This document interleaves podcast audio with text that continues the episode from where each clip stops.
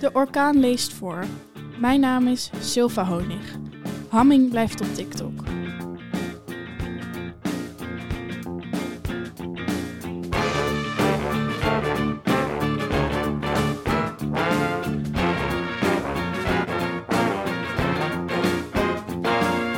Burgemeester Hamming hoeft van de Raad van Zaanstad niet te stoppen met TikTok. Een motie van Hanneke Veurink en Marianne de Boer, waarin de burgemeester gevraagd werd te stoppen met TikTok, haalde het niet.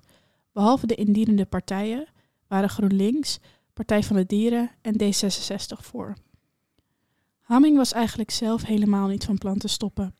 Er was geen verbod voor ambtenaren om het te gebruiken en bovendien, Facebook, Twitter en WhatsApp verzamelden ook data van gebruikers. Melchior Mattens vond dat een mager argument. Als anderen het slecht doen, maakt het dan niet uit dat TikTok dat ook doet? Voor indiener Hanneke Veurink was er wel degelijk een verschil. Omdat via TikTok de informatie terechtkomt bij de Chinese overheid. En daar had de ChristenUnie-fractieleider zo haar bedenkingen bij. Het overtuigde Hamming niet. Het staat op een aparte telefoon die niet verbonden is met gemeentelijke lijnen.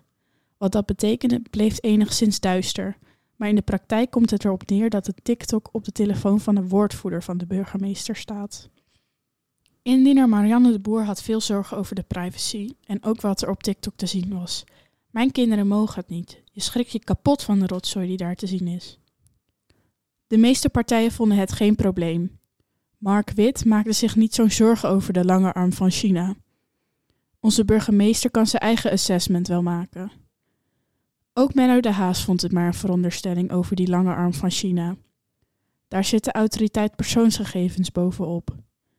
Volgens hem was het geen probleem als het op de telefoon zou staan, waar dan verder niks anders op staat.